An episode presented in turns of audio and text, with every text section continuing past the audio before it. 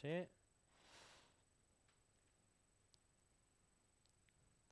Vale, doncs comencem.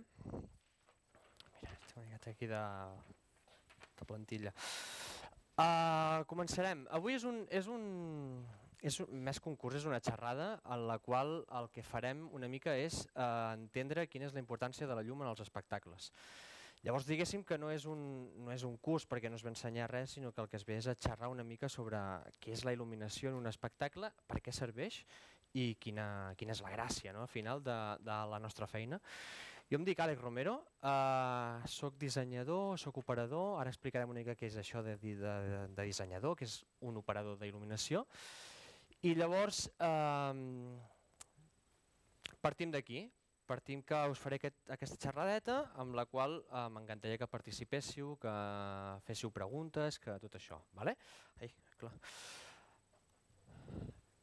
Primer de tot, eh, us explicaré una mica a què ens dediquem eh, a l'estudi, que una mica és pues, això, no? que és el que fa una persona que es dedica a la il·luminació. Jo, per sort, és el meu hobby, és una feina, a més a més, i per sort em puc dedicar a això i això és un gran què, diguéssim. I llavors eh, tenim un estudi que es diu Art Lighting Studio i aquí el que fem és totes aquestes coses que ara anirem comentant una a una perquè entenguem una mica què és cada cosa o cada feina de la que fem. Vale? Uh, sempre ens veieu, diguéssim, darrere dels contro els, els controls, vull dir, darrere de l'escenari, i llavors quedem una mica com esclosos, no? i sempre hi som allà, i sempre treballem igual que un mes de, dels músics, i pertanyem a un mes de tot, i llavors a partir d'aquí nosaltres el que fem és, fem dissenys d'il·luminació. Un disseny d'il·luminació és agafar, després ho explicarem tot, extens, vale? Uh, però un disseny d'il·luminació vol dir uh, crear eh, amb il·luminació eh, tot el que és el visual d'aquell espectacle. Llavors nosaltres ja sigui un grup de música, ja sigui un grup d'una companyia de teatre, ja sigui el que sigui, a eh, cinema fins i tot, el disseny d'il·luminació el que fa és eh, a cada lloc, eh, a cada escena, diguéssim, ho representem a nivell visual perquè la gent que està veient allò entengui eh, el que està passant, no només a nivell de so, sinó a nivell visual. Després ja operar en directe. Operar en directe és agafar la taula, anem de concert, anem allà i el que fem és eh, executar el, el bolo. Hi ha el tema de creació escènica. Això és una cosa que fem nosaltres, però que mm, aquí diguéssim que un estudi d'il·luminació no ha de per què fer això.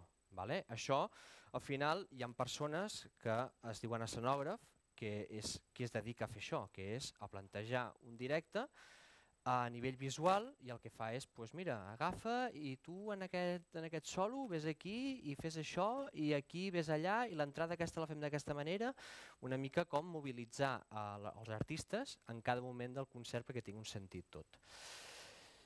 Llavors això també és una cosa que fem nosaltres. Uh, després hi ha el tema de producció. El tema de producció és que uh, per anar a un concert no és només el fet d'anar a un concert, sinó que prèviament hi ha una feina. Aquesta feina és uh, fer riders, fer contrariders, eh, parlar amb l'empresa de so i il·luminació per, per dur a, tot, a, a terme allò i que hi hagi el que nosaltres creiem que és el mínim per poder treballar bé, etc. Vale? Llavors això seria el tema de producció. Després aniríem cap al tema de programació. Uh, a la programació el que, el que es fa és, um, diguéssim que hi ha com una diferència entre programació i disseny d'il·luminació, que a vegades es podria ficar com algo conjunt, i no és ben bé així. La programació és programar una taula, programar un software, per després poder fer el disseny d'il·luminació. Vale? Ja ho explicarem després també. I després hi ha el tema de formació, també el que fem és formar, eh, fem xerrades, eh, fem una mica doncs, tot el que seria portar el nostre ofici cap a persones externes que es vulguin, mm, que es vulguin ficar en aquest món, que és superbonic i que, i que ens agradaria que encara fóssim més i que fos tot... És que tinc allà l'ordinador i em penso... Va. Vale.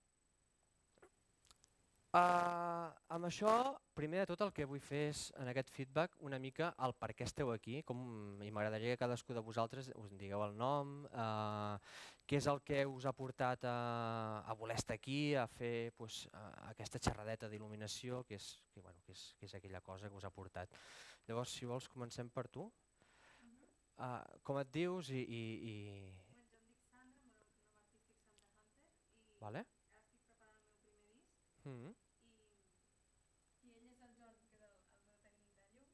Ah, molt bé. I, i bueno, hem vingut a, per veure una mica com abordar-ho i com, i com per diferents temàtiques també visuals, com adaptar una il·luminació a, a diferents gèneres també musicals. O sigui, un show visual, fer un show visual a... Ara com ho explico? No, tranquil·la. Exacte. sinó que les llums acompanyen. Exacte, sí, sí. Vull dir, al final és això, no? És el eh, més, lo més fàcil d'entendre és quan vas a veure una obra de teatre, no? que al final és, pues ara passa això i la il·luminació té tot, quasi tota la importància, perquè al final és el que tu estàs veient i ara ve aquesta persona aquí, s'il·lumina. Ara ve l'altre per allà, s'il·lumina. Si no hi hagués aquesta il·luminació, potser ens estaríem perdent escenes i llavors perd sentit. Llavors això, si ho portem a la música, és el mateix.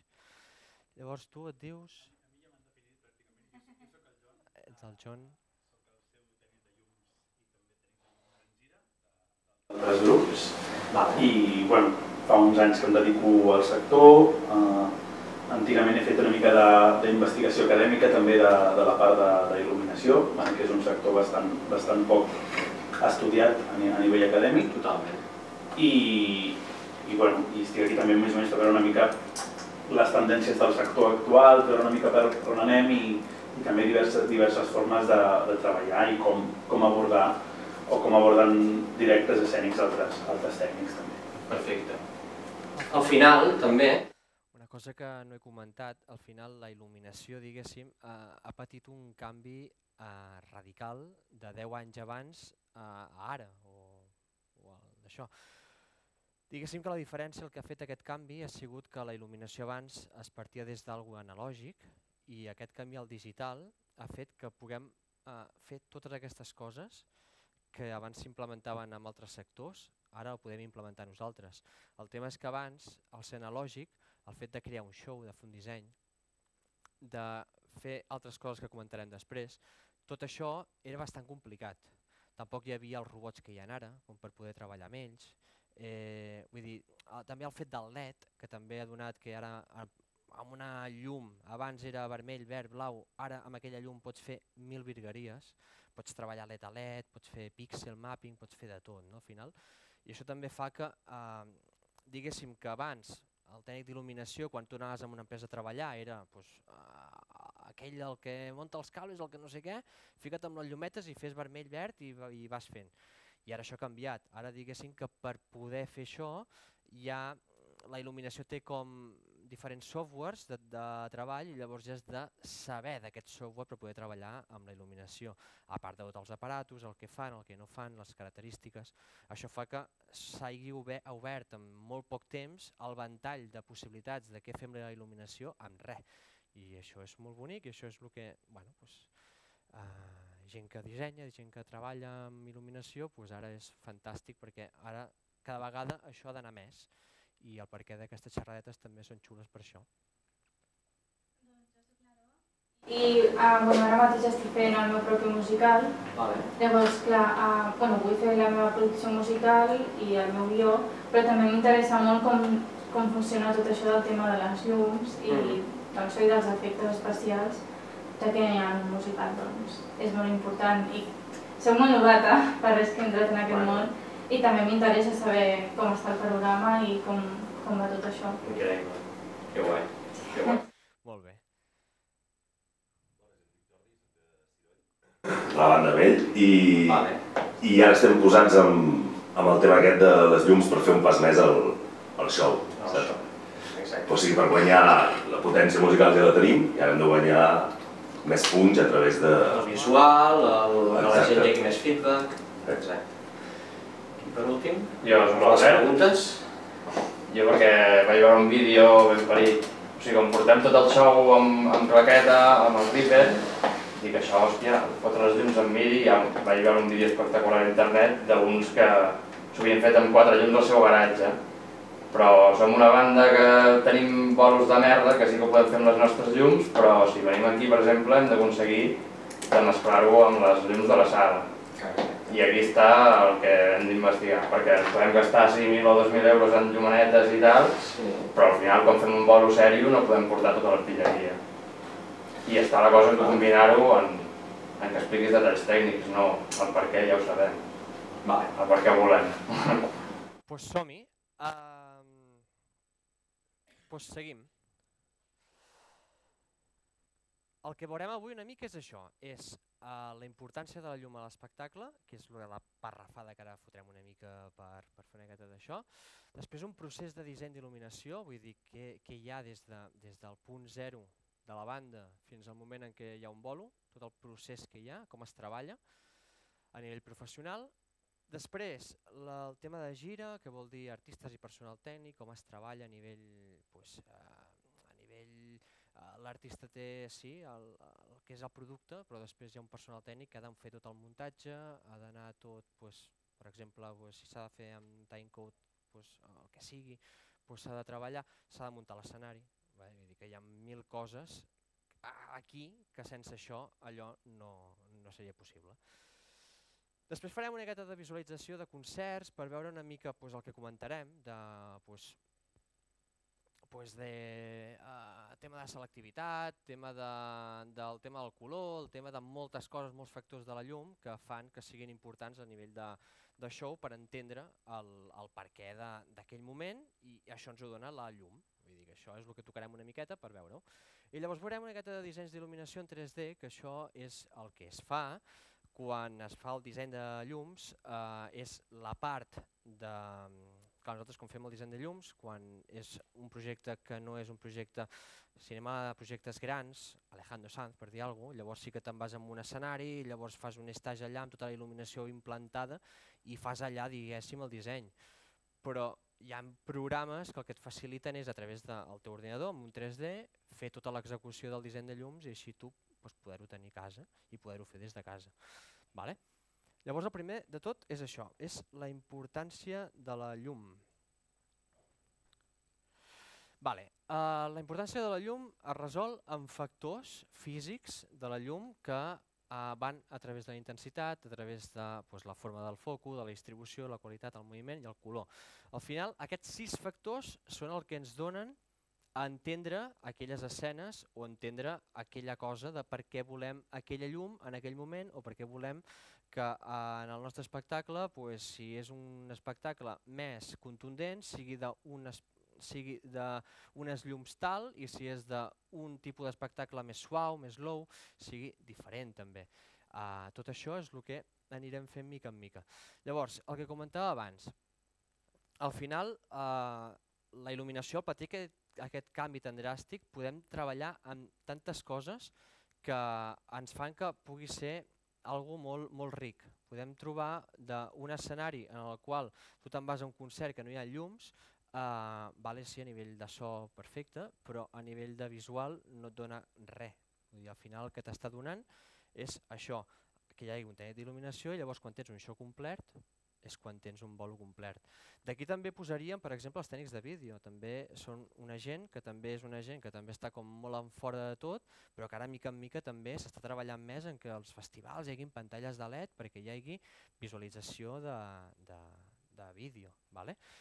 Una altra cosa bona de la il·luminació, d'un operador d'il·luminació, és que nosaltres també podem llançar, vull dir, al final això és una màquina que és espectacular, perquè jo amb això, amb això i un software, és una, això, és una, això, és un, això és un wing, és una controladora que això ha d'anar amb un ordinador, sí o sí. Vale? Llavors hi ha les taules, que són taules que ja va l'ordinador dins, i, i diguéssim la controladora, i després hi ha això, que és una taula més de gira, que és amb la que jo treballo per anar de gira, que llavors això el que fem és complementar-ho amb el software. El que vull dir és que aquestes aquestes, eh, aquestes màquines ja estan preparades per tot. Jo des d'aquí puc llançar àudio, puc llançar vídeo, puc llançar eh, sí, vídeo i puc llançar il·luminació. Vull dir, puc llançar tot. Llavors això és una cosa que al final també ens dona a nivell d'un tècnic d'il·luminació que no només estigui la part lumínica, sinó que hi ha més coses que podem, eh, que podem abordar. Comencem. Uh, la intensitat depèn de moltes coses. Vale? Llavors nosaltres quan anem a fer un, un rider demanem certes coses perquè el nostre show tingui allò que nosaltres tenim plantejat en el disseny i això és el que nosaltres demanem al rider. Llavors, uh, què vull dir amb això? Que per exemple amb intensitat juga el tema de quantitat de projectors que disposem. No, és que jo per rider demano 6 focus i tu me'n poses 4 Vale, si jo te'n demano 6 és per alguna no és perquè si en demano 20 poder ja és més patillero, però si en demano 6 és perquè aquells 6 tenen alguna cosa important. Vull dir que la quantitat de material és important a l'hora de treballar. Vale? Això és una cosa que també segons el nivell de la banda, segons el nivell de, o del, de la companyia de teatre, el que sigui, doncs aquí podem jugar més o menys, però sempre buscant uh, la que el que nosaltres tenim pensat ho puguem reflectir. Llavors, la potència dels projectors, això és important saber-ne, no? de dir, vale, doncs jo necessito per un espai tal eh, de 6 metres per 4 per no sé, no sé quant, necessito aquest projectors amb aquesta potència. Potser si m'estàs oferint un projector de 40 watts no em servirà encara que em posis 8, perquè necessito un de 80. Bueno, doncs, això també juga amb el tema de riders, vull dir, d'aquí la importància d'un rider d'un grup de música o d'una companyia de teatre que el rider sigui conscient d'això. Distància entre projectors, això és una cosa que nosaltres com a dissenyadors d'il·luminació ens encarreguem de dir, vale, quina és la distància que hi ha entre projectors, eh, sabent que aquell projector té un feix de llum que em pot obrir tal, eh, que té la potència X, eh, quina distància puc ficar entre ella. Tot això forma part del rider. Filtratge, si volem filtrar algun tipus de, de focus. Els focus que solen filtrar són aquells de convencional, són aquells que no tenen RGB, que no tenen CMI, que són els colors, diguéssim, que directament té una roda de colors, el foco directament, i que amb el propi foco ja podem treballar amb diversos colors, sinó que aquell foco és llum normal, i llavors allà fiquem un filtro i llavors diem, pues jo vull que siguis blau, vull que siguis vermell, i això té pues, uns noms, unes connotacions que nosaltres hem de poder saber i dir perquè, eh, poder, per poder treballar amb aquests filtratges que són els, els, els que volem. I després també la intensitat varia segons si hi ha pales, si hi ha cuchilles. Cuchilles i pales vol dir PCs, vol dir retalls, són eh, focus convencionals, que són més de teatre, en els quals això és molt important. Saber si podem tancar el foc molt, si podem obrir molt, tot això ens crea intensitat. Si el tanquem molt, tindrem menys intensitat, perquè al final el que estem fent és tancar la llum. Si obrim més, tindrem més intensitat. Tema de distribució, això també és, és important. Quan fem un rider eh, posem un stage plot. Un stage plot és un escenari en el qual eh, dibuixem diguéssim el plànol eh, amb la il·luminació com la volem. Vale? Llavors és important dir, ostres, jo vull quatre focus que em facin de carrer. Per què vols quatre focus que et facin de carrer? Vull quatre focus que em facin de carrer per X. Aquest X és això. Aquí, per exemple, eh, tenim eh, cada imatge que és com un, com un, com un enfocament diferent. Vale? El primer de tots és un frontal típic tòpic, que és la barra de frontal que ens posen davant, que és on està la PEA, aquest seria el frontal eh, normal. Bueno. Després tenim un frontal més de tele o més de cinema, que en el que volem agafar un primer pla. Bueno, això també és important perquè al final també això ens crea ombres. Aquestes ombres les, les, les volem o no les volem. Potser hi ha un, un moment del bolo que dius és que jo no vull ombres perquè jo vull que aquella llum vagi allà i em faci allò i només m'il·lumini aquella persona i no vull que hi hagin ombres. Bueno, doncs ho hem de saber això.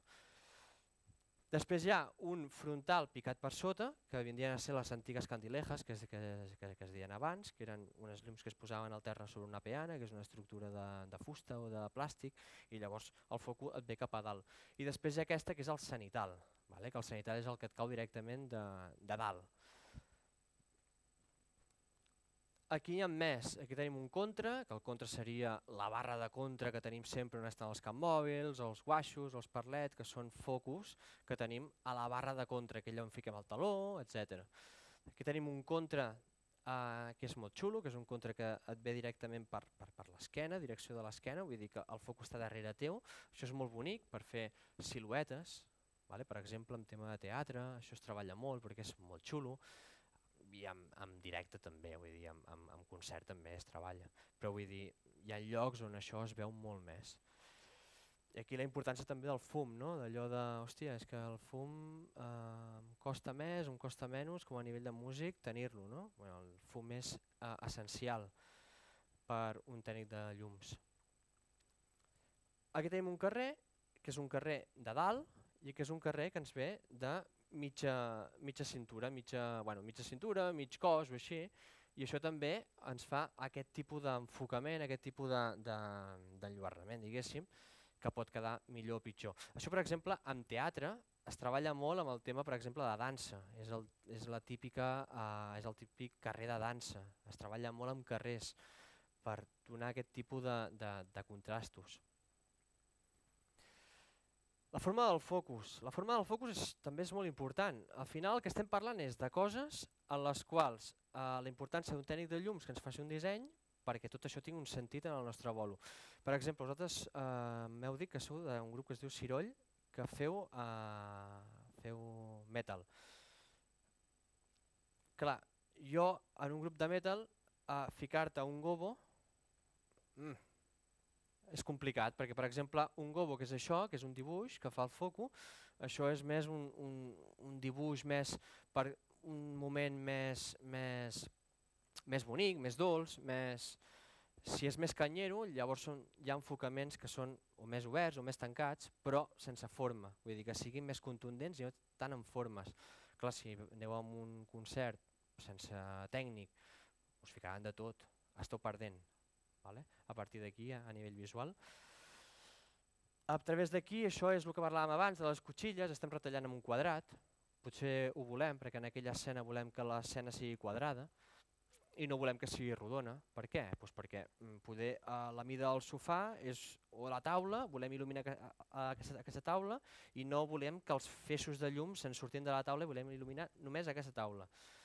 Clar, si no tenim aquest, aquest, aquesta persona que es, que, que es dediqui a fer això, el que tindrem és aquí un foco que ens il·luminarà tot i que perdrem tota l'essència de la taula del que està passant en, en aquella taula. Uh, després hi ha iris, que són tancaments o, o, o obrir focus, que allò que parlàvem de tant ja sigui a nivell d'intensitat com a nivell de forma, que també és molt important. Fer un fros, que per exemple és obrir el foco totalment, això ens pot anar bé si el que volem és que tota l'escena s'obri moltíssim a nivell de llum i llavors volem que la gent que ens està veient tinguem un escenari totalment obert o si volem un escenari molt més tancadet i volem anar a buscar una selectivitat de uh, aquella cosa amb aquella no sé què, ho farem tancadet. Si ho fem obert, llavors el que fem és obrir tot l'escenari i potser hi ha una persona que està fent un solo i ningú s'està enterant que aquella persona està fent un solo perquè la llum està oberta. No? Vull dir que són aquestes coses de la importància en el nostre espectacle de la, de la llum. I després la qualitat, que aquí la qualitat és dolenta ja de la foto en si, però eh, diguéssim que això diguéssim és un foco, eh, ai pa, és un foco eh, que està com enfocat, està enfocat, hi ha una opció en il·luminació que és el focus, que el focus és per enfocar el feix, i poder volem que aquell focus sigui amb un feix super enfocat o volem que sigui desenfocat. Això també és important a, a nivell visual perquè aquí el que estem fent és il·luminar una cosa uh, perfectament, volem que aquella cosa estigui molt ben il·luminada i aquí el que fem és un difós, vull dir, el que fem és que pot haver llum aquí, però també pot, anar, pot haver llum allà que no passa res. Vale? Molt ràpid tot per entendre una mica que la il·luminació eh, té com factors que ens poden canviar el volum 100%. Vale? I passem a aquesta, que aquesta per mi és superimportant, eh, és el tema del color. Al final, eh, nosaltres a nivell, quan som petits ja ens ensenyen no? que els colors una mica tenen com les seves vessants en què psicològicament tu a la que veus un color ja, ja veus allò d'una tal manera.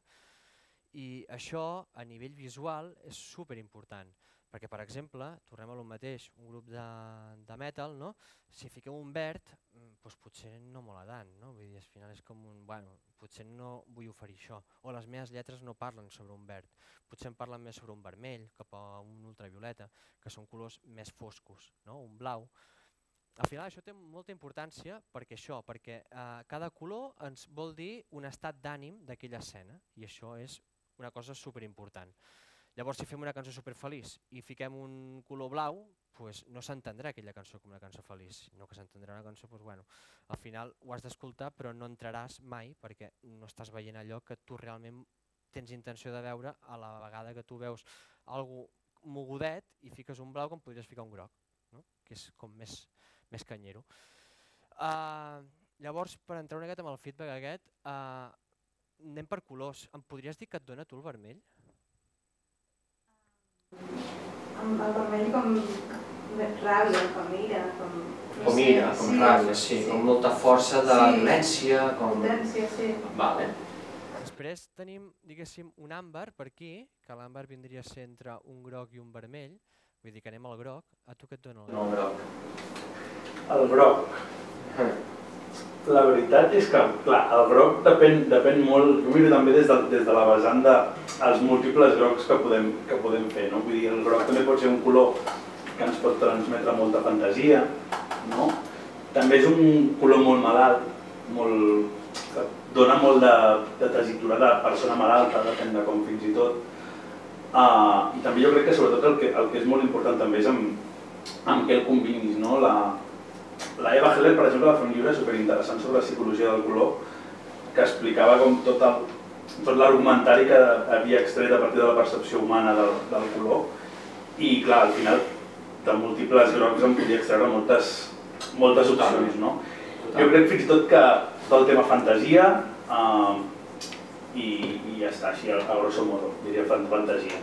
Vale. És xulo perquè al final a tu et dona fantasia i potser a mi em dona una altra cosa que no anirà molt, molt, vull dir, no diré que és, que és uh, un color super tènue, super fosc, vull dir, no et diré això, però sí que et podria dir, hòstia, pues a mi el groc em dona més de canyero, no? de, de pues ara hi ha més tralleta, pues, fer un groc perquè és un color que és molt obert, és un color que és, pues, al final el color que no veiem, no? al final el dia a dia, però sí que és el que més s'assembla, no? el blanc, al final.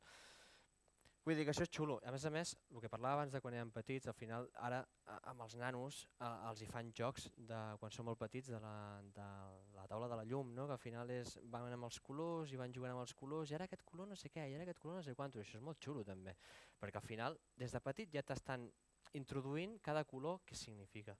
El verd a tu què et dona? A mi, tranquil·litat i em recorda doncs de la natura.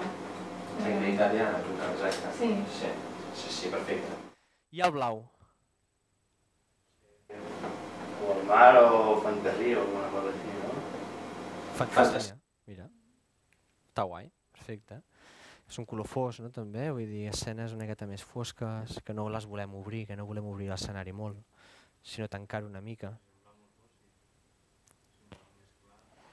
Sí, és que ara parlaríem una mica de... Què? Ara parlaríem una mica de... de sí, hi ha el cian, no? que el cian vindria a ser aquell color entre blau i verd que et podria donar una miqueta més de fantasia, penso.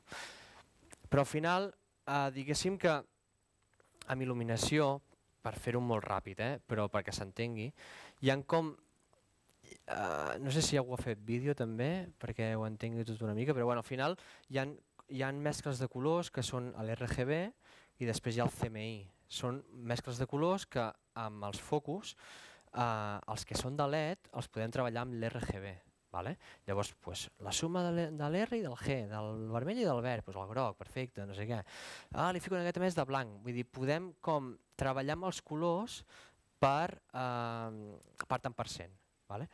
Hi ha focus que no ens donen aquesta possibilitat, sinó que tenen com una roda de colors que ja està introduïda directament din- dins del foco i quan tu li dius vull que siguis blau, et sortirà aquell blau que té el foco. D'aquí també la importància de que aquell foco sigui millor o sigui pitjor, perquè si és un foco pitjor el filtro serà un blau més lletjot i si és un focus més, més bo tindràs un blau més bonic. No?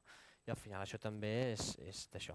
Vull dir que, diguéssim que, per exemple, amb un tipus de focus sempre tindràs un blau fosc, mentre que si és un focus de LED sí que el podràs treballar una mica amb aquestes dinàmiques de dir, vale, doncs el, poder, el puc fer una miqueta més blanquinós, una miqueta més... Però bueno, està perfecte. Després tenim el magenta, ultravioleta magenta, aquests colors d'aquí, No sé què diria, la lluita feminista, tio.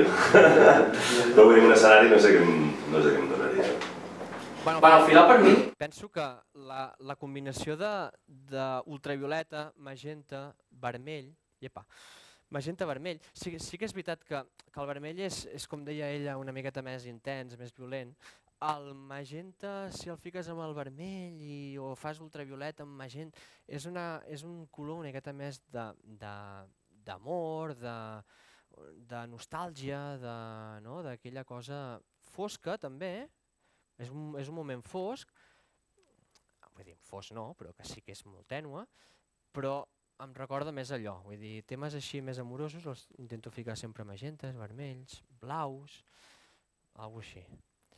Vale, després ja passem alguna altra vegada al vermell, però bueno, que al final ja hem vist no? que amb cinc persones hem, hem, hem anat variant i hem vist que, hòstia, tot això que em transmet, si ho pogués tenir jo a l'escenari i que la gent entengués que aquell tema és d'aquella manera perquè el color m'ho diu, és brutal, no? Al final això forma part de la nostra feina. Vale, que no em deixi res. Um, perfecte. Vale, pues, fins aquí alguna pregunta, alguna cosa? No? Tirem endavant una, una miqueta? Doncs pues vinga. Anem a que és un procés, un procés d'un disseny d'il·luminació. Vale? Uh, jo, per exemple, uh, treballo des de fa uns anys, només treballo amb bandes i, i llavors això és el pa de cada dia i una mica és com uh, treballem a l'estudi. Ara explicarem, explicaré una mica uh, que no sempre ha de ser així.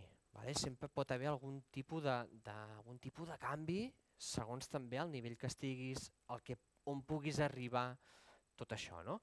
Però al final, diguéssim que es pot diferenciar eh, amb aquest organigrama, aquest, amb aquests passos. Primer, a tu et truca una banda i et diu, mira, jo vull un disseny d'il·luminació. Vale?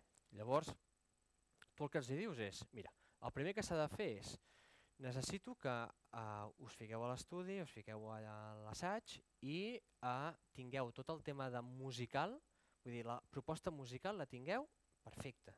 Vull dir, que puguem arribar a la següent part ja tenint el producte fet. Vale? Llavors, la base musical, vull dir, el treball, base musical o base, si és de teatre, pues, l'obra de teatre. Eh? Això ha d'estar fet. I llavors nosaltres entrem després que això està fet. Després aquí hi ha la producció escènica. La producció escènica és el que parlàvem abans, que això pot venir un escenògraf o, per exemple, nosaltres donem aquest, aquest servei, que és que, eh, bueno, i això també, pot anar dins d'això, joder, pot anar dins d'això o pot anar per separat. Vale? Vull dir, la producció escènica la podem fer dins de l'estage o la podem fer per separat. Llavors, aquesta, aquesta producció escènica és agafar i dir, vale, pues, uh, primer tema, la intro. La intro uh, m'agradaria que entréssiu tots un a un i llavors a la que vagi entrant cada un dels músics, un foco per cada músic. Llavors la gent, el que, el que tu li fas a la, entendre a la gent és que cada músic anirà en un ordre i cada persona, al final amb la il·luminació el que busquem és la selectivitat de cada moment. Vull dir, si jo vull ensenyar-li al públic o li vull fer entendre que ara mateix jo només vull que aquella persona vegi aquell músic tocant la guitarra perquè està fent pues, l'entrada i l'està fent ell, això és la, el meu èxit com a tècnic de llums. És que la persona de públic estigui veient allò que jo vull que ella vegi. Això és un èxit. Llavors, d'aquí és on treballem. D'aquí és on treballa l'escenògraf. De ara uh, hi ha un moment de feedback. Aquí molaria que en aquest tema que és lo lo lo lo, lo pues anem tots els músics cap endavant i que pari la música i que ens fiquem tots a fer l'ololo perquè la gent ens torni aquest, aquest. Vull dir, es treballa molt no només amb el nivell musical sinó al nivell de posta en escena. I aquesta posta en escena és importantíssima. Ara hi ha un tema que és, és bailón. Vale, doncs fotem un ball aquí, fem un ball i que la gent faci aquest ball que estem fent nosaltres. Jo jugaré amb les segadores perquè hi ha aquest feedback. Si hi ha els músics, aquesta tonteria eh, de segadores, Uh, que les segadores són les llums que van cap al públic, sí, això sí. Eh? Vale. Uh, si jo no poso segadores uh, i el, el, el, el grup està fent un ball, la, la gent poder no, no se sent com, vull dir, va, estan fent un ball amb aquesta música, està guai. Però jo el que vull és que la gent balli també i faci el que jo estic fent.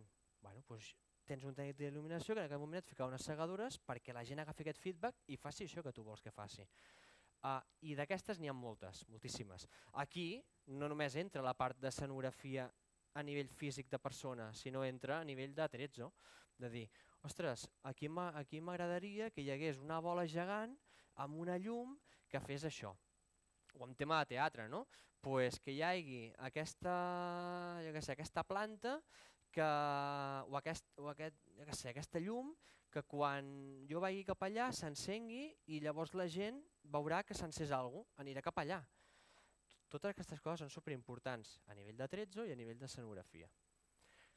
Això, com he dit, es pot fer o separat o es pot fer dins d'un estatge tècnic. Un estatge tècnic què és? Un estatge tècnic és agafar músics, eh, artistes en general i part tècnica, de so, de llum, de vídeo. Vale? Parlant de part d'il·luminació, aquesta part estaria feta, Llavors aquí el que anem a fer és uh, fer passes. Jo agafo idees, uh, no cal que aquest estatge es faci en un lloc que hi hagi pues, com es troica, que hi ha un set d'il·luminació, que hi ha un tal, sinó que jo el que vull és veure-ho, participar-hi, dir, ostres, m'agradaria que passis això perquè llavors jo puc fer això i jo puc fer l'altre, agafar idees, que la gent, els, els artistes estiguin contents i diguin, ostres, pues vinga va, perfecte, i després emportar-me això. Clar, llavors, això són fer diversos passes fins a l'últim passe, que aquest últim passe, el que jo m'emporto d'això és un USB amb un vídeo fet d'aquell passe. I llavors allò és el que m'emporto a casa. I aquell vídeo és el que amb aquell vídeo després jo faré la programació i el disseny. Vale? Fins aquí tot bé? Vale. Uh, això pot canviar. Pot canviar si estem parlant d'una banda més petita o més normal, diguéssim, una banda gran. Una, gran, una, banda, una banda gran és diferent. Una banda gran agafem, eh, lloguem al Palau Sant Jordi, muntem tota la scenografia, muntem tot el que faci falta i llavors fem proves a partir d'això. Això és increïble, jo això ho he fet per sort i bueno, és una altra història, vull dir, no té res a veure. Però anem a parlar de les coses que són més comunes. Llavors d'aquí jo m'emporto l'USB amb el vídeo i me'n vaig cap a la programació. La programació què és? La programació és agafar i dir, vale, ara ja anem, anem cap a allò que tu em deies, vale? de dir, vale, jo aquí com vull treballar? Vull treballar, eh, primer de tot, m'he de fer les posicions, m'he de fer les posicions què és? Les posicions és, uh, hi ha solo de guitarra, hi ha solo de bateria, hi ha solo de cantant, hi ha solo de no sé què, no sé, no sé quantos. Hi ha solo que aquí hi ha una llum que no sé què. Jo tot això, abans de fer el disseny, jo això m'ho he de jo això m'ho he de programar en el software per després en el disseny dir-li, el disseny al final acaba sent fer escenes, vale? crear escenes. Jo per crear aquestes escenes he de tenir com unes, com unes com unes pautes, com, un, com, un, com uns estàndards, unes paletes que es diuen, fetes, per jo dir-li, vale, uh, ara hi ha solo del cantant, jo ja tenia el, el, el botó que veia el solo del cantant i jo dic, vale, que això és l'escena 4, ara el solo de no sé què, això és l'escena 5. Vale? Llavors, a la programació, a part de crear tot el que són les paletes, ja a nivell de colors, a nivell de posicions, a nivell de si vull aquells, aquells gobos, que els gobos són aquelles floretes que es veien abans, si vull que siguin més tancats, més oberts, bé, bé, bé. A part d'això també és com vull executar jo el bolo. Si el vull executar hi ha diverses maneres. Uh, vale. Uh, aquestes maneres tenen a veure amb el que em proporciona el músic. El músic em diu, mira, jo uh, treballo amb claqueta, jo treballo amb seqüències, jo no treballo amb res, jo treballo amb el que sigui. Llavors, a partir d'aquí, podem decidir com llancem el bolo, com executem el bolo. El bolo es pot executar de moltes maneres. Es pot executar a freestyle, que freestyle és, pues, jo em conec el bolo una mica i vaig fent bi, bi, bi, bi, això està bonic, això no sé quantos, però mai serà igual. Al final, el que es vol aconseguir amb un disseny d'il·luminació és que cada bolo sigui idèntic, en què poder no cal que l'speech sigui 20 segons i allò sigui 25, i allò, però sí que tot el bolo sigui idèntic. Ara hi ha aquest tema, ara hi ha aquest, ara aquí fem un speech, ara aquí fem això, ara aquí fem l'altre. Vull dir que un bolo ha d'estar tancat a nivell musical i a nivell tècnic. D'aquí és on creem el disseny de llums. Llavors, la programació, tornem a això, pot ser que sigui freestyle perquè no hi ha cap mena de, de res. L'altre pot ser que sigui eh, a través de Ghost, Ghost significa que jo eh, treballo per escenes i llavors en veu no, podria no haver seqüència o no haver claqueta. Llavors eh, passa l'estrofa i de l'estrofa ara ve l'estribillo. Estrofa, estribillo uh, solo de no sé què. Uh, ara vaig a no sé quantos. Llenço jo el gou, llenço jo aquella escena. Vale? Llavors aquella escena pot ser que vegi en retard, pot ser que no, pot ser que no sé què. Vull dir, al final, a mi m'agrada molt treballar amb gous perquè al final entres dins del bolo, estàs dins del bolo, vale? si no és una mica que estàs una miqueta com en fora. Hi ha això. Després hi ha la configuració de que jo llenci el primer go, que això és un no hold, que, és, que es diria, un hold és que tu vas apretant el go de cada escena i després un no hold seria que jo llenço un go i aquest go, eh, això sí que ha d'anar seqüenciat, aquest go el que em fa és que em va llançant cada escena per segons. Vull dir, jo quan llenço el go, l'escena, aquella escena dura 4 segons. A la que arriba als 4 segons jo no he de fer res. Se m'activa la segona. A la que arriba als 6 segons se m'activa la tercera, llavors anem fent, però llenço jo aquest primer go. Vale? I després l'última seria el timecode. El timecode és una mica més complex. Vale? El timecode és un codi de temps en el qual eh, el puc llançar jo, però no sol ser així, sinó que sol ser que el llença un bateria o un teclista, sempre aquella persona que té un trigger, un pad un octopad, que són aparatos electrònics que tenen com tecles i llavors tu a la que li dones allà, dic tecles per dir alguna cosa perquè ens entenguem, eh? però no és ben bé això, és un pad, és com, bueno, és igual. A la que tu li dones allà, allò li dona la senyal a la taula a través de connexions diverses, pot ser a través de RJ, pot ser a través de SEMTE, pot ser a través de, de diferents opcions. Llavors s'ha de llançar un cable que vagi d'escenari fins a control, vale? que això es pot demanar per rider, o si potser als postos on vas potser et diuen mira això no t'ho faré. Llavors és el, això és el teu problema, llavors el que podries fer és em monto control l'escenari. Vale? Això és una altra història. Però el tema és que hi ha d'haver un cable que vagi del trigger, del pad, del que sigui, a la taula de llums. I llavors, a la que tu accionis allò, eh, seccionarà la meva taula, digue'm.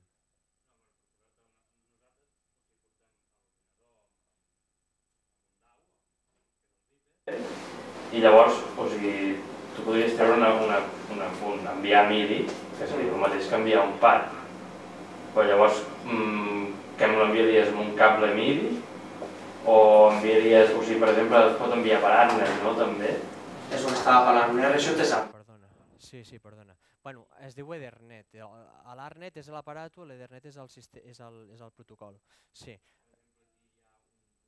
Eh, d'Arnet de, de, de l'escenari a la taula? Sí. Vale. N'hi ha, no està per això, però es podria. Però clar, això és una sala. Això diguéssim que és molt fàcil, perquè al final...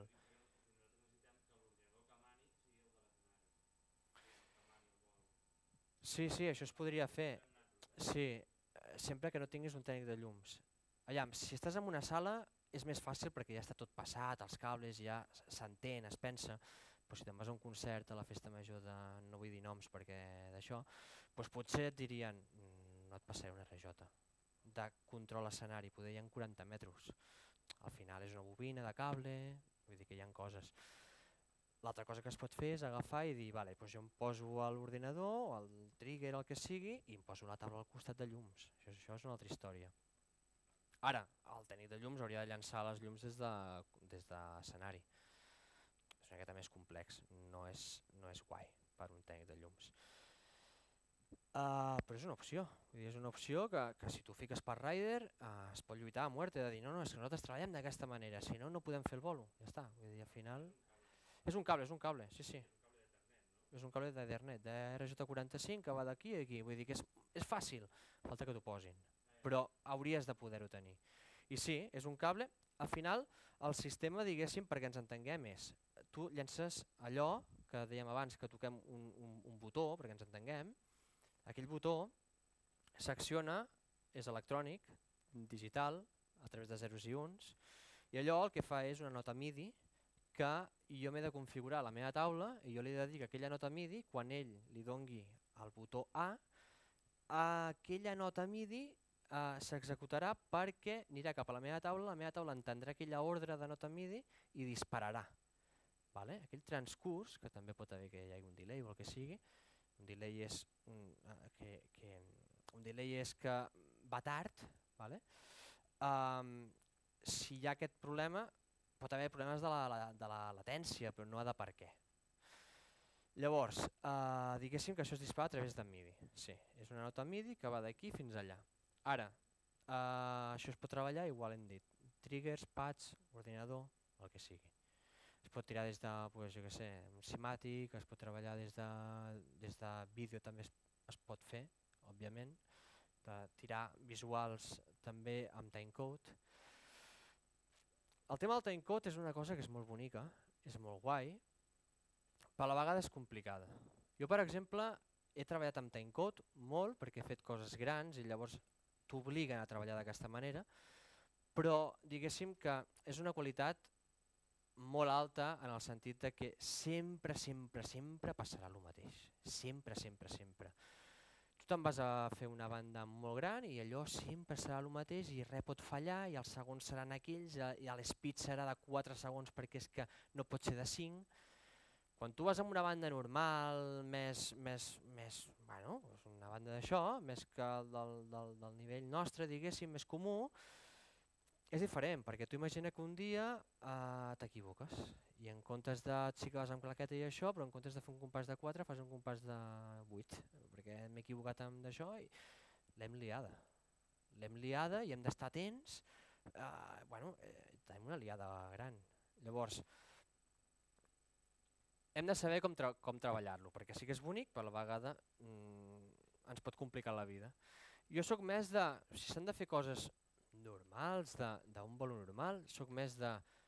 Uh, jo ho tinc tot seqüenciat, vull dir que jo agafo, em preparo totes les escenes amb els segons que toquen, pim, pim, jo allà és superfàcil aturar-ho i dir ara t'atures perquè s'han equivocat.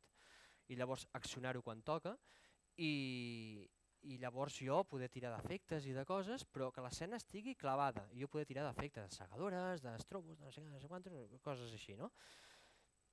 Perquè al final sempre puc tornar al zero, al moment zero i puc ser conscient del que està passant.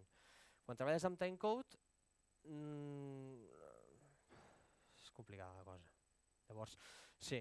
Després hi ha gent que el que fa és, hosti, és que jo tinc il·luminació pròpia i m'agradaria que anés amb, els, amb, els, amb, els, pues, amb, el, amb, el, amb el bombo, amb el no sé què, amb el no sé quantos.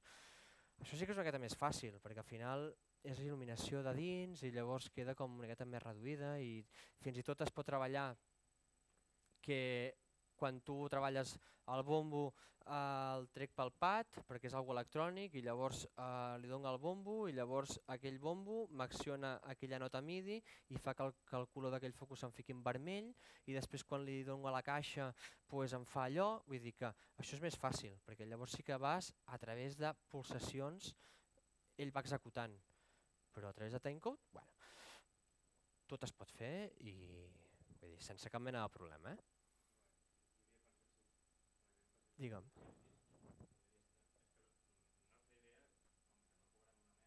Sí.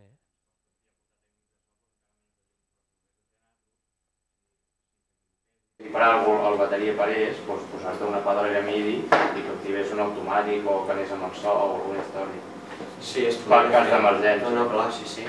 Però no, sí, sempre. Per cas d'emergència et pots muntar mil coses però per poder... Sí, sí, clar, clar, clar. Es pot fer, es pot fer.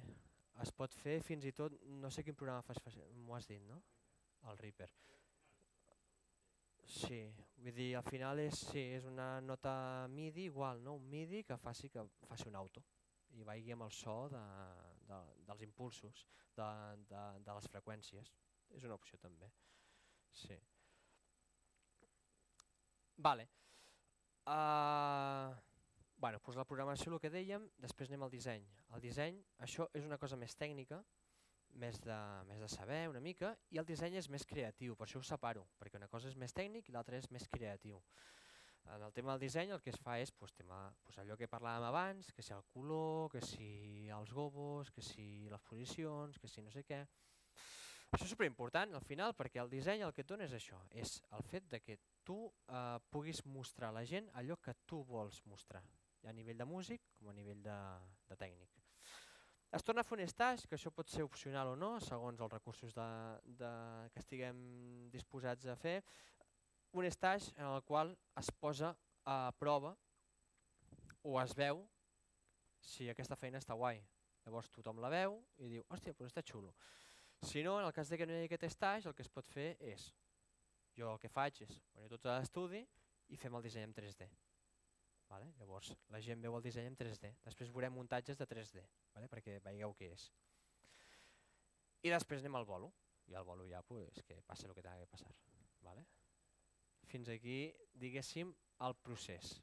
Algu alguna pregunta? Vinga, som-hi. Quina és més o menys la forma de treballar quan una banda varia musicalment enmig d'una gira?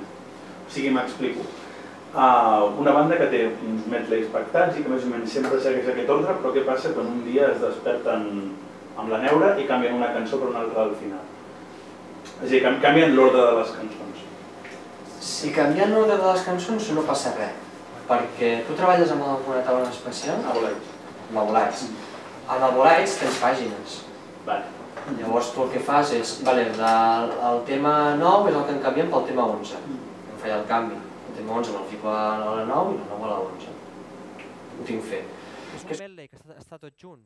El que llavors has de fer és canviar les cues, les cues és, són les escenes, vale, a nivell tècnic, uh, es canvien les cues eh, i llavors el que has de fer és les cues d'aquell tema les passes aquí i les cues d'aquí les passes aquí.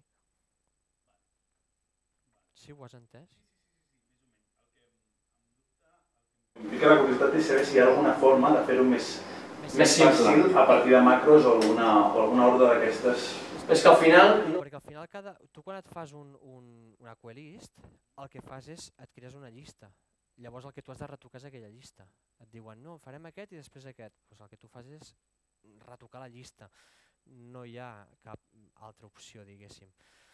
Et podries treballar amb macros, sí. Podries treballar amb una macro, per exemple, jo treballo amb Chamsys, que és un altre tipus de, de marca, un altre tipus de taula, amb la qual um, o treballo amb Chamsys, amb MMA, amb Mavo també, però bueno, amb Chamsys, el que, el que és la que tenim aquí, el que, el que em dona és que tinc una macro que, per exemple, que segur que amb Avolites també es pot fer, eh?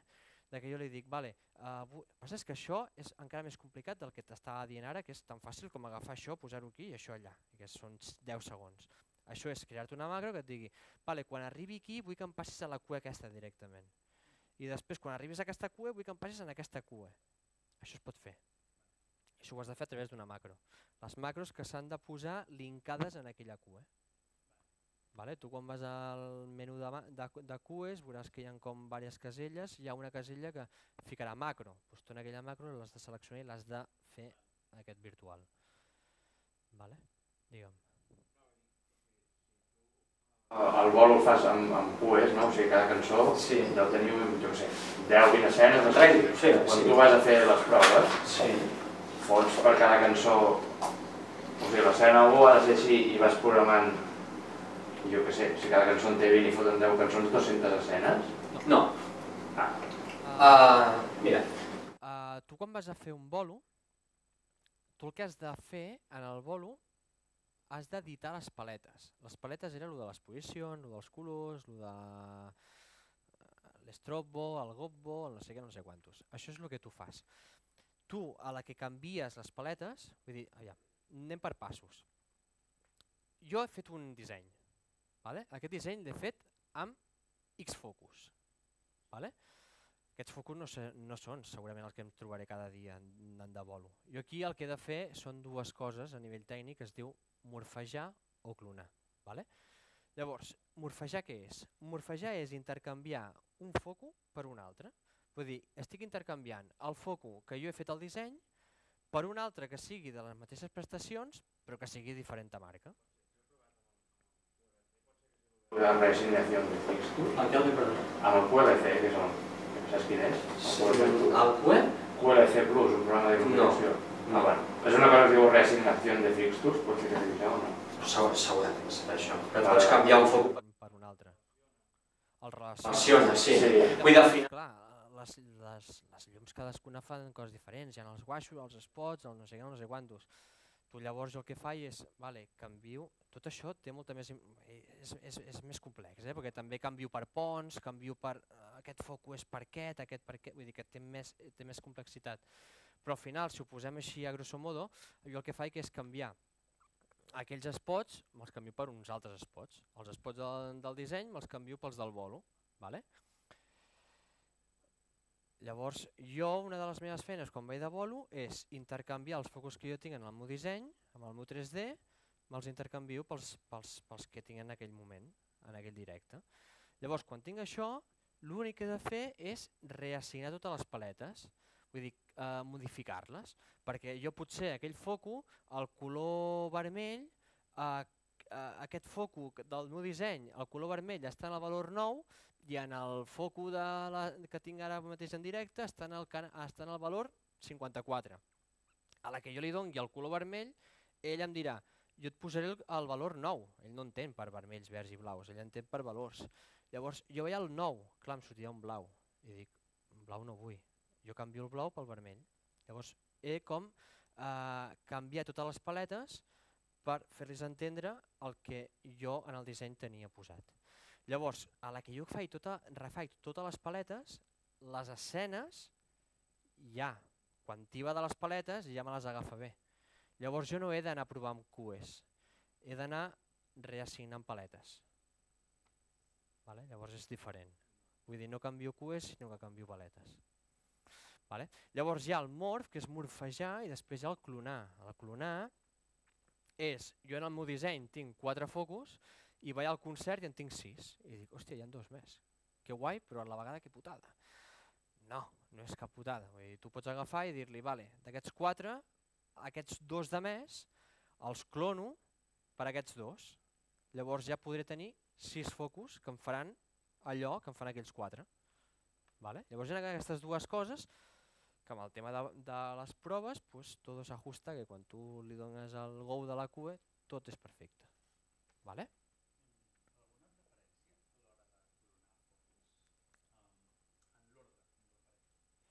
Sí.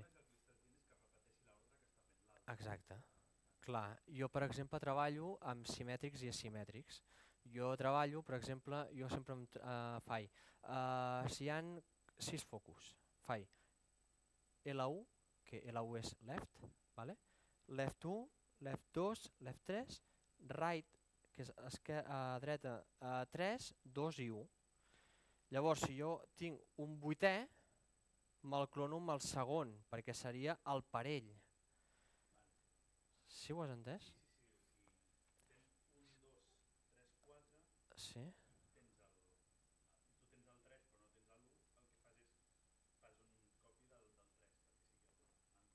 Sí, clar, vull dir, ho fas per simetria. Perquè si tu fas, clones el, el, el 3 amb el 4, el que et passarà serà que el 3 i el 4 et faran, el mateix, el, et faran la mateixa forma i tu el que vols és que se't creuin. Llavors tot té un, un per què. Vale, doncs, eh, no sé si em deixo alguna cosa. No, ja està. Eh, fins aquí tot bé? Sí? Vale. Gira artistes i tècnics. Vale? Vull dir, al final això són dues fotografies. Una és això, que són unes proves d'il·luminació, de so, i això que és uh, un concert, en, un concert, una foto d'un concert. Passem de tenir això, a el que parlàvem ara, no? de tenir això a tenir això. Dir, al final no són els mateixos concerts, però al final perquè entenguem que quan arribem hi ha aquest jaleo de coses i dius, vale, va, posem-nos a puesto i anem a començar. I llavors arribem a això. Això, el que parlàvem, uh, tema de selectivitat, uh, tema de saber els colors, això és un tema que és un tema tranquil, és un tema... Vull dir, jo pels colors ja sé quin tema és, perquè ens entenguem. Vale? Llavors, uh, jo amb aquests colors jo sé que, és un, que aquest tema és un tema super tranquil i per exemple ara em comença el teclista i després del teclista em comença el, el teclista i el cantant. Clar, tu estàs així i dius, mm, vale, si tu no tinguessis tècnic de llums, el baixista es veuria quan el tio estava bevent aigua o està... queda lleig. Llavors tu aquí la gent on mira? Mira el teclista i mira a la veu. Guai, perfecte, pues això és la, és, és la nostra feina. I passem a això, no? el tema de tenir tot aquest escenari, a fer tot el tema de proves, a tot el tema de, del muntatge de tot això, que no, no és una cosa fàcil, ràpida, ni res d'això, i que tot això compleixi amb el teu rider, vale? que el que t'envien després és el compte rider, i això. Llavors, a partir d'aquí, jo el que vull parlar una mica és de... Uh, des del minut zero, no sé com anem de temps, perquè, sí, anem bé, eh? eh des del minut zero fins al moment del bolo, el transcurs de temps, què passa aquí? Vale? Perquè entenguem una mica uh, com funciona. Nosaltres som un grup de música vale? que uh, hi ha un ajuntament, per dir alguna cosa, la regidoria de cultura, que ens contracta. Llavors, aquí el que passa és que la, la, la regidoria de cultura, pel que sigui, diu aquesta banda la vull, perfecte. Quants diners? 10, 10, perfecte, què més? Res. I això és, una, és un error, perquè és un... Vale, jo aquesta gent m'agrada molt, la contracto, però aquesta gent no, no ve sola, ve amb un contracte amb un rider. Vale? I això és important entendre-ho. Llavors, aquí és on tenim després els problemes, de que la gent contracta i després quan veu el rider diu ah no, no, és que jo no tinc tants diners com per poder fer això. Bueno, doncs així no has de poder contractar això. Has de contractar algú que, que vull dir, no només contractes la banda, sinó tot el que hi ha darrere. Perquè aquí estàs contractant això, però aquests d'aquí els estàs donant pel sac molt, moltíssim, però moltíssim. Eh? Per què? Perquè aquí després hi ha una, hi ha una disputa, perquè després el, el, el, el regidor de Cultura arrenta les mans, tens això, ve l'empresa, uh, mira, vull fer això, vale. el rider, que el, el regidor de Cultura ni se l'ha mirat, el rider, i quan veu el de l'empresa el rider diu, vale, perfecte, et faig el preço d'això, 3.000 euros, i el regidor de Cultura diu, què dius? 3.000 euros de què? Bueno, és el que val, és el que tu has contractat. No ha, però jo no tinc tants diners. Vale. Què passa aquí? Llavors passa que l'empresa s'ha de menjar els mocs, ha de trucar als tècnics de, de la banda i dir-li, escolta'm, és que mira, uh, tinc un problema i és que només et puc ficar això, perquè el pressupost m'arriba això. I jo li dic, ja, ja anem allà de l'RJ i aquestes coses. Eh? Ja, ja, però és que jo necessito això per poder fer el meu bolo. Si no tinc, si no tinc això, no tinc el meu bolo.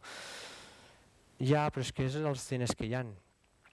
Doncs què passa? Que aquí hi ha ara una disputa entre tècnics tonta perquè la culpa no és nostra, és culpa de qui ve de, de darrere de tot. I això és un problema. Això és un problema molt gros. A partir d'aquí hi ha tota aquesta feinada que això val uns diners. I això per mi val molts més diners que no qui actua. Perquè al final qui actua és una hora i mitja que va allà, toca i adeu. Qui munta tot això té molta responsabilitat. Això de funcionar, ha d'estar perfecte. Això s'ha de fer assistència, són mil hores. I això està molt bé dir-ho en una xerrada perquè s'entengui que no és que molt, moltes vegades arribem, i jo sóc un d'ells, que ara jo fa molts anys sí que, bueno, fa molts anys no, uh, però muntava i feia tot allò que és allò, que és la cosa més trepa, més, més, més, més fotuda, que són moltíssimes hores, hores sense dormir, hores sense menjar, hores sense... bueno, fatal, perquè tot això estigui bé, perquè els tècnics que vinguin de les bandes arribin allà, que és el que tinc jo ara, arribo allà i està tot muntat. I dius, que xulo, eh? Que guai, eh? Ja, que guai, no. Vull dir, que guai, però empatia cap a aquelles persones que porten allà 20 hores muntant allò perquè tu estiguis allà còmode. Llavors aquí anem una mica en el tema aquest de la importància d'allò que per mi sense això, això no té cap mena de sentit. Això és un valor de res, això és important. I després això és el que nosaltres podem fer bonic a través de la, del que han fet, la feinada que han fet els tècnics muntadors i els tècnics d'empresa.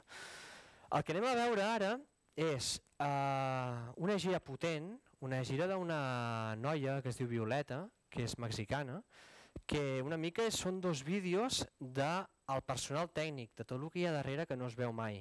Producció, realització, tècnics, muntatges, producció... Vale? Una mica això és el que, el que veurem ara. Anem aquí, patapam. Oh,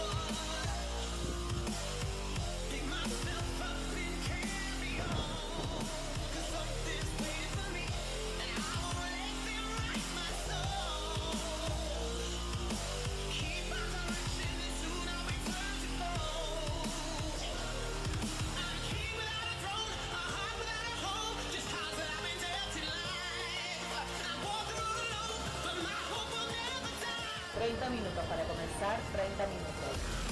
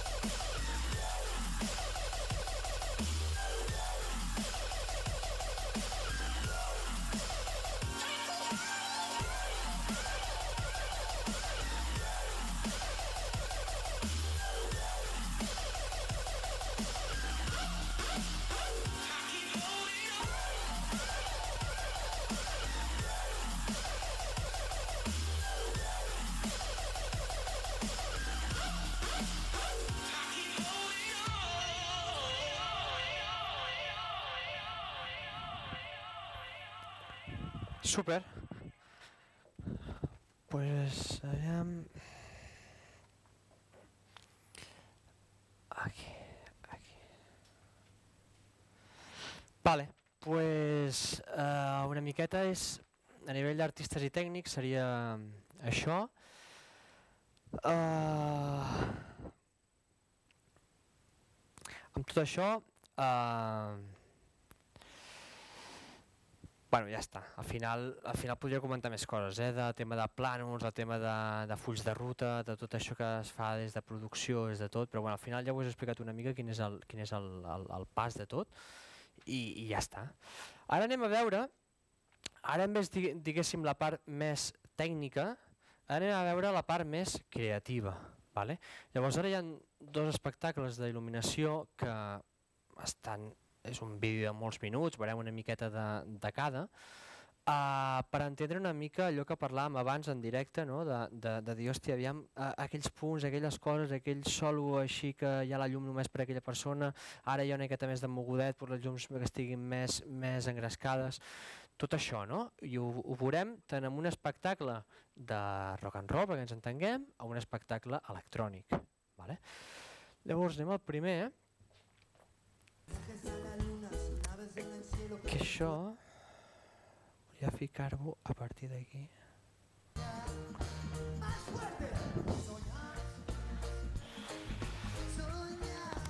Mira, aquesta tonteria, la tonteria de, de, de que la gent faci el moviment aquest, això ja fa part nostra. Si ell estigués fent això i no hi hagués llum de públic, la gent no faria això seguríssim. O potser algú sí que ho faria, però no seria tan, tan feedback, diguéssim, en aquest cas. Coses, eh? Tonteries, però són superimportants.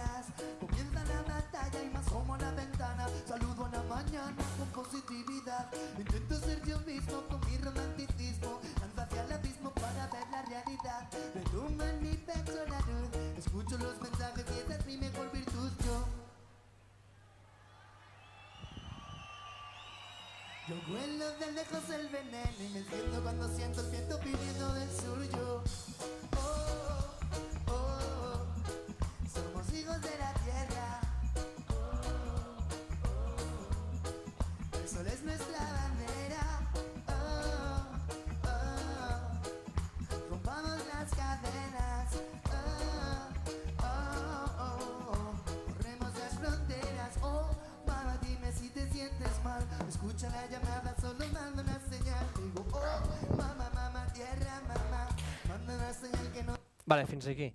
Uh, el que hem vist aquí és uh, tot el que són estrofa, estribillo, al final uh, un tema és a, B, A, B, A, B, A, B, no? al final, fins que l'estructura del tema uh, es reprodueix amb la llum. Vull dir, estrofa, hi ha un color, hi ha una escena, estribillo, hi ha una, hi ha un, hi ha una llum, hi ha un d'això. Uh, moments de foscos, fosc. Si no, esperaria tota la banda hi hauria llum i no sabria què està passant en aquell moment. Es poden fer foscos, para tothom, para tot, seguim. M'agradaria passar una miqueta més. Epai. És supercomplicat això. Vale, aquí.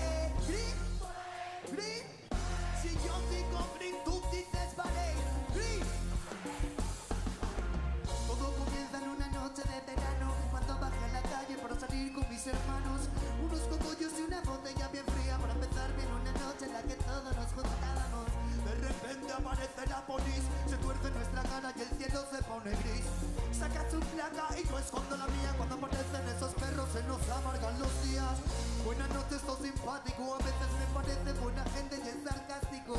Ya sabéis que aquí no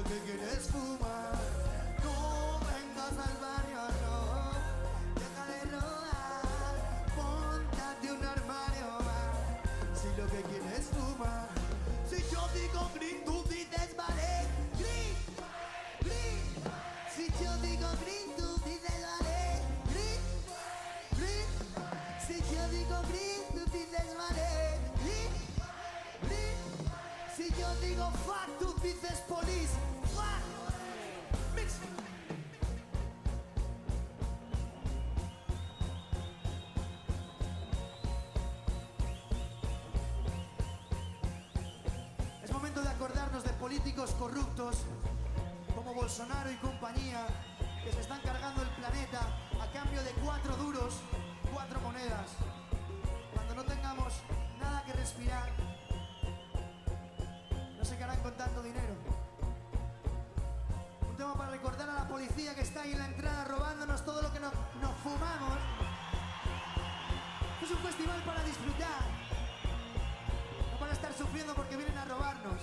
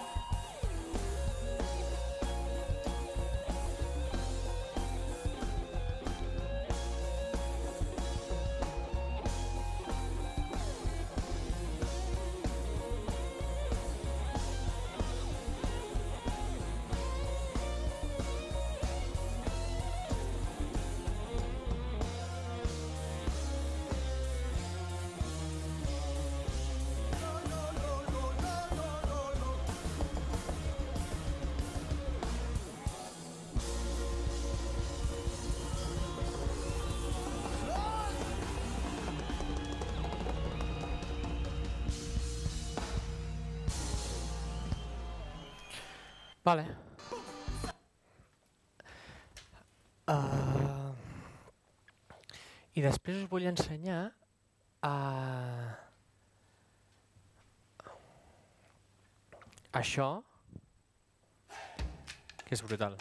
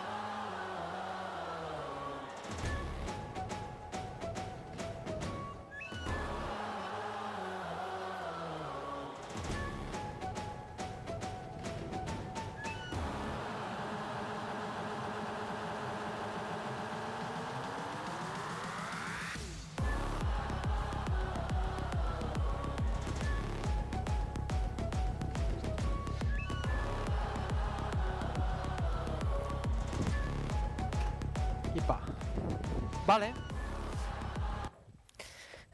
Ipa. Pues què us sembla?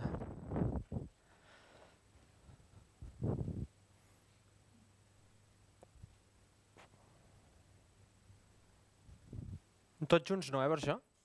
Un a un, eh? Gràcies. Aviam. entendre i, i és uh, el segon a nivell del Vin- del Vinivici, mm, tot està molt, molt sincronitzat. Tot està molt sincronitzat. Com, com és possible que una sessió en directe d'un DJ estigui tan sincronitzada si teòricament la mescla que està fent l'està fent en directe? És com el que no acabo de... Aquí està el tema de què és veritat i què és mentida. No, perquè al final tu pots, vull dir, tu pots fer mescla sobre mescla, però al final eh, tu que comptes aquí són BPMs. Els BPMs, els canvis sempre seran els mateixos, tot serà igual. Al final, eh, quan parlem de timecode, on més fàcil és posar-ho és aquí, perquè aquí no hi ha equivocacions. Vull dir, al final eh, sí que està, està fent coses, però no està fent el que tu penses que està fent. Vull dir, està tot supercalculat, està tot... Vull dir, allò, ell no, no, no, diguéssim que la mescla l'ha ficat. Això sí. Però aquí no va a joc, perquè la llum va... A més a més, aquest, aquest home és Armin Van Buren, que és un... Bueno, fa electrònica i això, i a més a més eh, és, un, és un tio que, que, que, que és, és, bueno, és un tio superintel·ligent, el tio és enginyer i a més a més és superintel·ligent. I treballa amb, amb gent que és molt, molt, molt, molt bona. I aquest tio eh, treballa per sensors també, i són sensors que eh, se'ls posa a la, a, a la pell, a, a, bueno, a, pues al braç o no sé què, i a través de les freqüències cardíaques i a través dels moviments, ell hi ha, hi ha moments del bolo en el qual fa anar ell les llums amb els seus moviments. Vull dir, si ell fa així, les llums fan així totes. Si ell fa així, les llums se'n van cap en fora. Vull dir que és una cosa molt heavy. Vull dir, aquest vídeo és un petit detall de que tot va sincro, que tot és molt bonic i aquest val, però a més a més té totes aquestes fricades que encara són més increïbles i que, i que mentre ell està fent així no està mesclant. Vull dir que al final és una cosa que ja està feta i llavors sí que a casa té la seva feina, però, però això. Llavors una mica el que, el que volia mostrar amb això és la banda rock and roll, diguéssim, que és més pues, això de buscar la selectivitat i no sé què, no sé quantos, i de buscar els colors que acompanyen a cada tema i el que, el que està parlant i el que pim i el que pam, mentre que el tema electrònic és molt més. Anem a, anem a passar-ho bé i anem a fer un bolazo que, que ens quedem aquí acollonits del, del bolo i ja està, hi ha focs, hi ha CO2, hi ha mil històries. Vull dir que es poden fer moltes coses. A part de la il·luminació, una de les coses també era això, era que eh, nosaltres com a tècnics d'il·luminació també podem treballar amb efectes especials, amb CO2, amb serpentines, amb, amb fum, amb, amb, bueno, jo què sé, amb hidrogen, podem treballar pues, amb foc, podem... sí que has de, per treballar amb foc, per exemple, t'has de treure cursos de prevenció, però es pot fer, vull dir que, que agafem un ventall molt ampli. Vale, després estem acabant. Ara anem a parlar una mica ràpid, estem acabant ja, eh? Uh, il·luminació en 3D. Això uh, són feines que, que, que tenim a l'estudi, una d'elles és aquesta, que el que fem és el que parlàvem abans. Jo em creo la meva història, el meu cap, la meva il·lusió. A partir d'aquí aquesta il·lusió és real, vull dir, és un 3D però va passar a ser real. Uh, però diguéssim que, que mm, aquest és un programa que es diu WYSIWYG i és el programa en el qual es crea l'escenari, s'edita tot, uh, es fa tot, es pot fer com una producció tècnica sencera de tot i s'acaba realitzant, uh, es poden fer plànols, etc i s'acaba realitzant un 3D que és amb això amb el que fem el bolo, vale? amb el que tenim com a disseny per després poder tirar el bolo. Això és una imatge, després hi ha una altra, que seria aquesta, després podem tenir aquesta, que serien pues, bueno, diferents dissenys que han passat per l'estudi que, que estan xulos ensenyar-los també i, i, bueno, i que tot un per què. Vull dir, això té aquestes barres tenen un per què, uh, aquests focus tal i com estan posats tenen un per què, això, aquesta llum de contra té un per què, aquests carrers tenen uns perquès, tot té un per què. D'aquí la importància de tenir una persona que sàpiga de, de què va la il·luminació i que et faci que el teu espectacle pugi de nivell. I per últim, el que anem a veure, i això ja acabem, és un vídeo en 3D que dins de les formacions el que fem és, eh, com a treball final, eh, fem un espectacle en 3D i jo amb el noi que va fer aquest vídeo pues, vam aconseguir, bueno, vam, ell va aconseguir fer això i em sembla que és molt guai. I, i de no saber res a poder fer això, pues, per mi se m'omple d'orgull i tot. No? I al final vindria a ser això.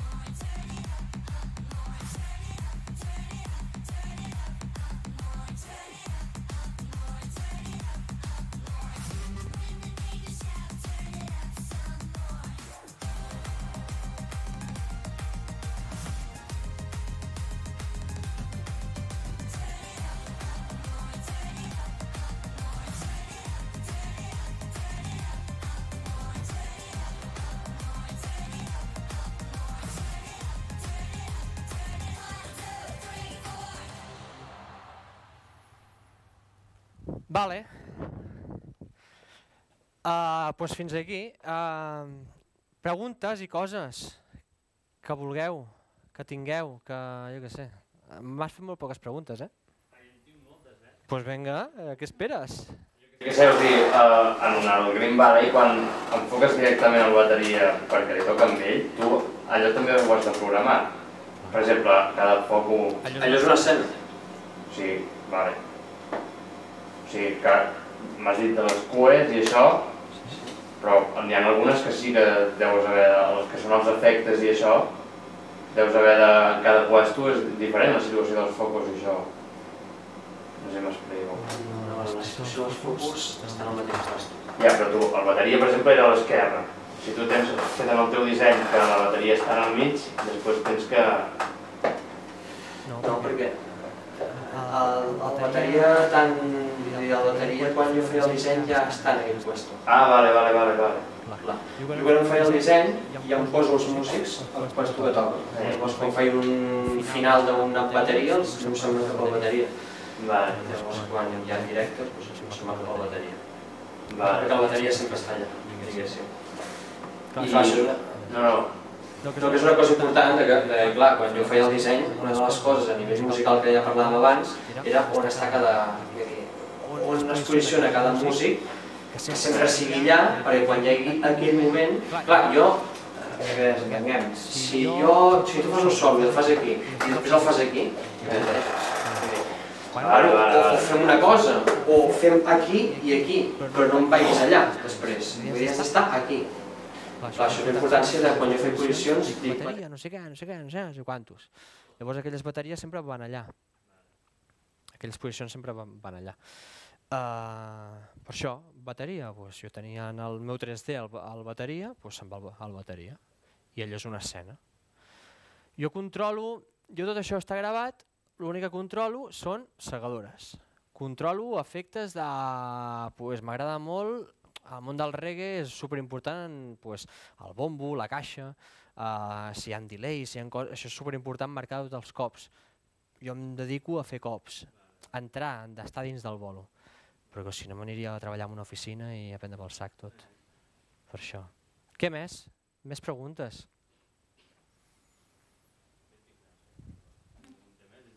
Vinga. Algú té més?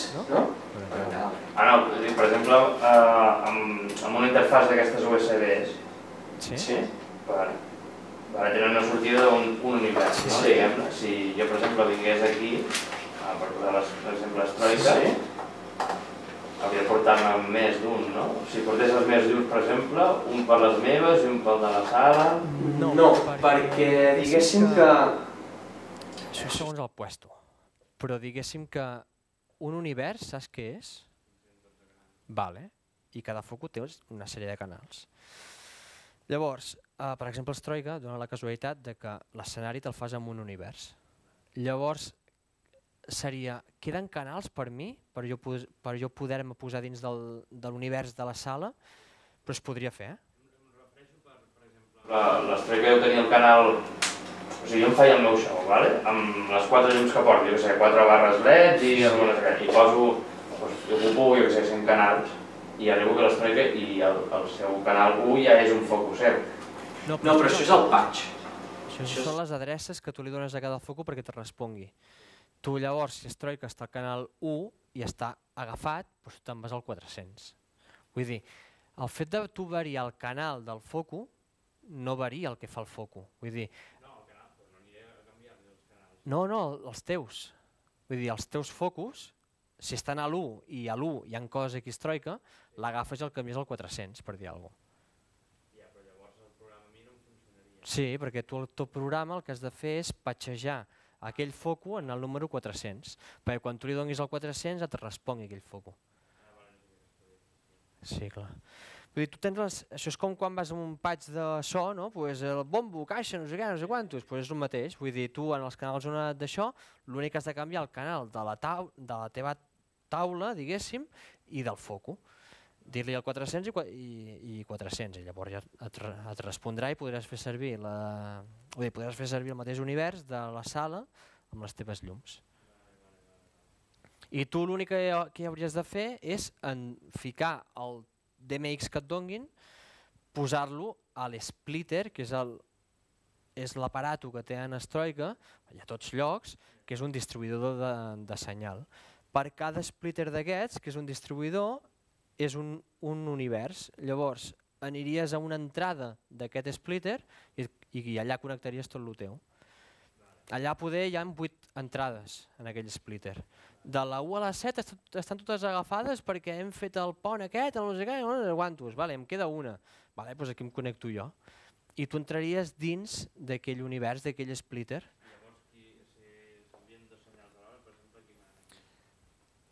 Clar, el tema és que tu hauries de... Clar, llavors... Eh, espera't, eh? Tu llavors volies controlar el teu eh, per una banda i lo d'Astroica per, per la seva taula.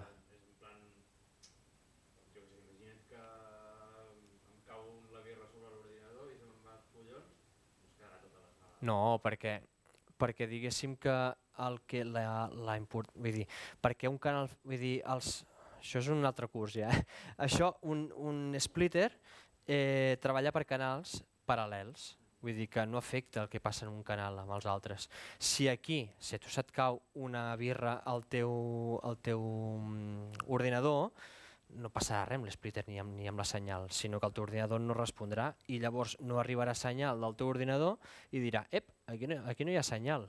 De, deixarà de funcionar aquella línia, però les 7 funcionarà tranquil·lament. El tema és que li tiris la birra a l'splitter, això llavors sí. llavors ja festa major. Podria agafar el control de les llums, sí. De les teves i de les seves. Clar. Pas que les teves llums um, les controlaries tu. Perquè ja tindrien un sistema MIDI automàtic i ja, ja t'ho faria. Però diguéssim que ell controlaria les de la sala. Sí. I llavors d'aquests programes i tal, els censos i això, Sí. i el visualitzador, Sí. tots són de pago. No. Vull dir, de pago és a Volites, perquè ens entenguem. La, la resta, vull dir, aviam, aviam. Una cosa és el software i l'altra és que tu, vull dir, una, un- una cosa és que tu et descarreguis el software i que, i que facis el friki, vale? I l'altra és que tu amb aquell software i amb aquella programació vulguis treure una senyal i emportar-te-la externa, vull dir, cap a focus, cap a la vida, no? en general, de un concert. El fet de tu emportar-te allò externament i poder punxar allà a focus, allò val diners. El software en si és gratis. Vull dir, tu pots fer el friki gratis, però necessitaràs doncs, una taula o un pendrive d'aquests que tu em deies abans, que és una dangle, que llavors tu, tu connectes, pagues allò i allà pots connectar una senyal. Per exemple, amb Avolites, això no és així. Avolites el software és pagant. Vull dir que si ho has provat amb Avolites, segurament a la que has volgut entrar t'han dit no, dangle, de que ja has de pagar, no, que no pots ni jugar, di- diguéssim. Uh, pots jugar a part pots jugar només amb la versió 11.1. A partir d'allà van fer-ho pagar totes. Però si tu entres a MMA, amb Champsys, amb la que sigui, llavors sí que pots treballar gratuïtament, però només fent el friki a casa teva. Que tu després allò vols extreure-ho, has de pagar, això sí. I el visualitzador? El visualitzador, el, el visualitzador, cada taula, cada software té el seu visualitzador. Uh, llavors això és gratis, perquè entra dins del software. El tema és que el WYSIWYG és un programa extern que es fa servir perquè diguéssim que els visualitzadors del software són bastant patates. Vale? Llavors el WYSIWYG és per excel·lència el, el programa de disseny d'un il·luminador. Com l'AutoCAD un arquitecte, doncs igual. Aquest és gratis, ai, aquest és pagant, i aquest val pasta, aquest val diners. Vull dir, aquest em sembla que era un any, em sembla que són 5-6 mil euros. I és la versió així, la... si encara agafes la versió extendida, doncs ja són més diners. Passa és que, aviam, jo què sé, n- això no, sé, això no es pot dir, no? Vale, vale. Però bueno, de, després en parlem. Però vull dir que hi ha altres sistemes de poder-ho fer. Uh, però això, vull dir, software són gratis, l'altre si tu vols treure senyal d'aquí sí que has de pagar. Hi ha preguntes aquí. Ai, canta. Però també has dit que controlaves els bombos. Els, Els, perdó? Els bombos, alguna així, quan has dit que també No, no, tu pots- O alguna així. No, també controla el so, o no? És que com abans dit això, no sé si... No, No, el, jo, el que jo he dit és que tu pots agafar, jo què sé, uh, un octopat, un, bueno, és un, és un catxarro digital que hi ha com... com sí, un pad, doncs un octopat, un octopat, un trigger, el que sigui. Uh, hi, ha, hi ha gent que ho, que ho llança allò en, a nivell digital, que no té una bateria... Posem-nos que no hi ha una bateria real, sinó que hi ha una bateria que es toca amb el pad. Vale? Tu pots agafar i dir-li, vale, quan tu toquis aquí, que per ell és el so X, que és bombo, en aquest cas, quan jo toqui aquí, jo aquesta nota MIDI me la passaré cap, a la meva, ca- cap al meu software. Llavors, quan tu toquis el bombo, el meu foc ho farà pa, pa, perquè ell intuirà que quan jo li dono senyal allà, el, el focus s'ha d'encendre. O sigui, seria com que el i la llum van junts. Sí, exacte. Vull dir, llum. exacte. Sí. Clar, però podem treballar amb so, llum i vídeo conjuntament. Vull dir, amb una sola senyal podem controlar... Per això jo et deia abans, amb això podem controlar so, llum i vídeo. Podem controlar-ho tot. Amb una, amb, una, amb una taula de so no podem controlar ni llum ni vídeo. Però amb una... És només de so, sí, són especialitos. Però en tema de, de llums podem fer eh, vídeo i podem fer llum. I els de vídeo només poden fer vídeo també. Llavors nosaltres som els amos aquí de tot. Llavors, eh, però això, podem controlar-ho tot, diguéssim. I una de les coses és això, a través de MIDI podem controlar eh, sistemes digitals. I per controlar això es necessitaria que, a, aquella taula. Ah, bueno, aquell controlador. O no? Per controlar qualsevol cosa que et surt cap a una llum, cap a l'exterior, es necessita una controladora o una dangle, que és, uh, és un, un USB. Aviam, els programes en si, quan tu compres una dangle, és un USB bàsic. Vale? Tu el poses i et diu... Bé, és, un, és un USB que per, que per una banda té l'USB i per l'altra banda té una entrada de DMX, que és el, és el, és el protocol d'il·luminació. La il·luminació treballa per DMX. Vale? El so treballa... No, no, no, clar. Vull dir, el so treballa per XLR, per Canon i nosaltres tra treballem per DMX. És un cable igual de tres puntes però amb diferent... Eh, amb diferent eh, bueno, el que hi ha dins no és un, el, el protocol no és el mateix, perquè ens entenguem. Llavors el dangle és un USB que té USB i a l'altra banda té l'entrada perquè puguis ficar aquest cable de DMX, que és aquest cable que et portarà cap als focus. I la de DMX? Sí. Llavors el DMX és el que tu fiques al foco, el poses cap a aquell DMX. Vale? Llavors, eh, es necessita controladora? Bueno, si tens una dangle d'aquestes, tu podries controlar-ho directament amb l'ordinador sense haver de tenir una controladora. Si tu tens la dangle, tu pots controlar aquell, aquells focus que estan connectats en aquell cable només amb l'ordinador, sense controladora. Diguéssim que la dangle aquesta substitueix una controladora, entre cometes. Substitueix perquè pots moure focus, però no substitueix perquè si no tens una controladora costa moltíssim treballar, perquè al final no tens ni faders, ni botons, no tens res. Llavors és tot molt així. Però podries fer-ho, clar, sí. I una dangle solen costar 140, 150 euros, no són molt cares tampoc. Però no, no tens res, eh? Vull dir, tens el programa que el pots fer servir, ja està. Sí. Més preguntes? Ja està?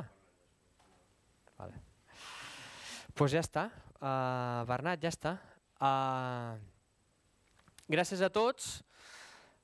Uh, Art Lighting Studio para vosotros, para vuestros corazones. Ja està. Gràcies a tots i gràcies a tota la gent que està a la xarxa, que també hi ha gent a la xarxa. Gràcies a tots.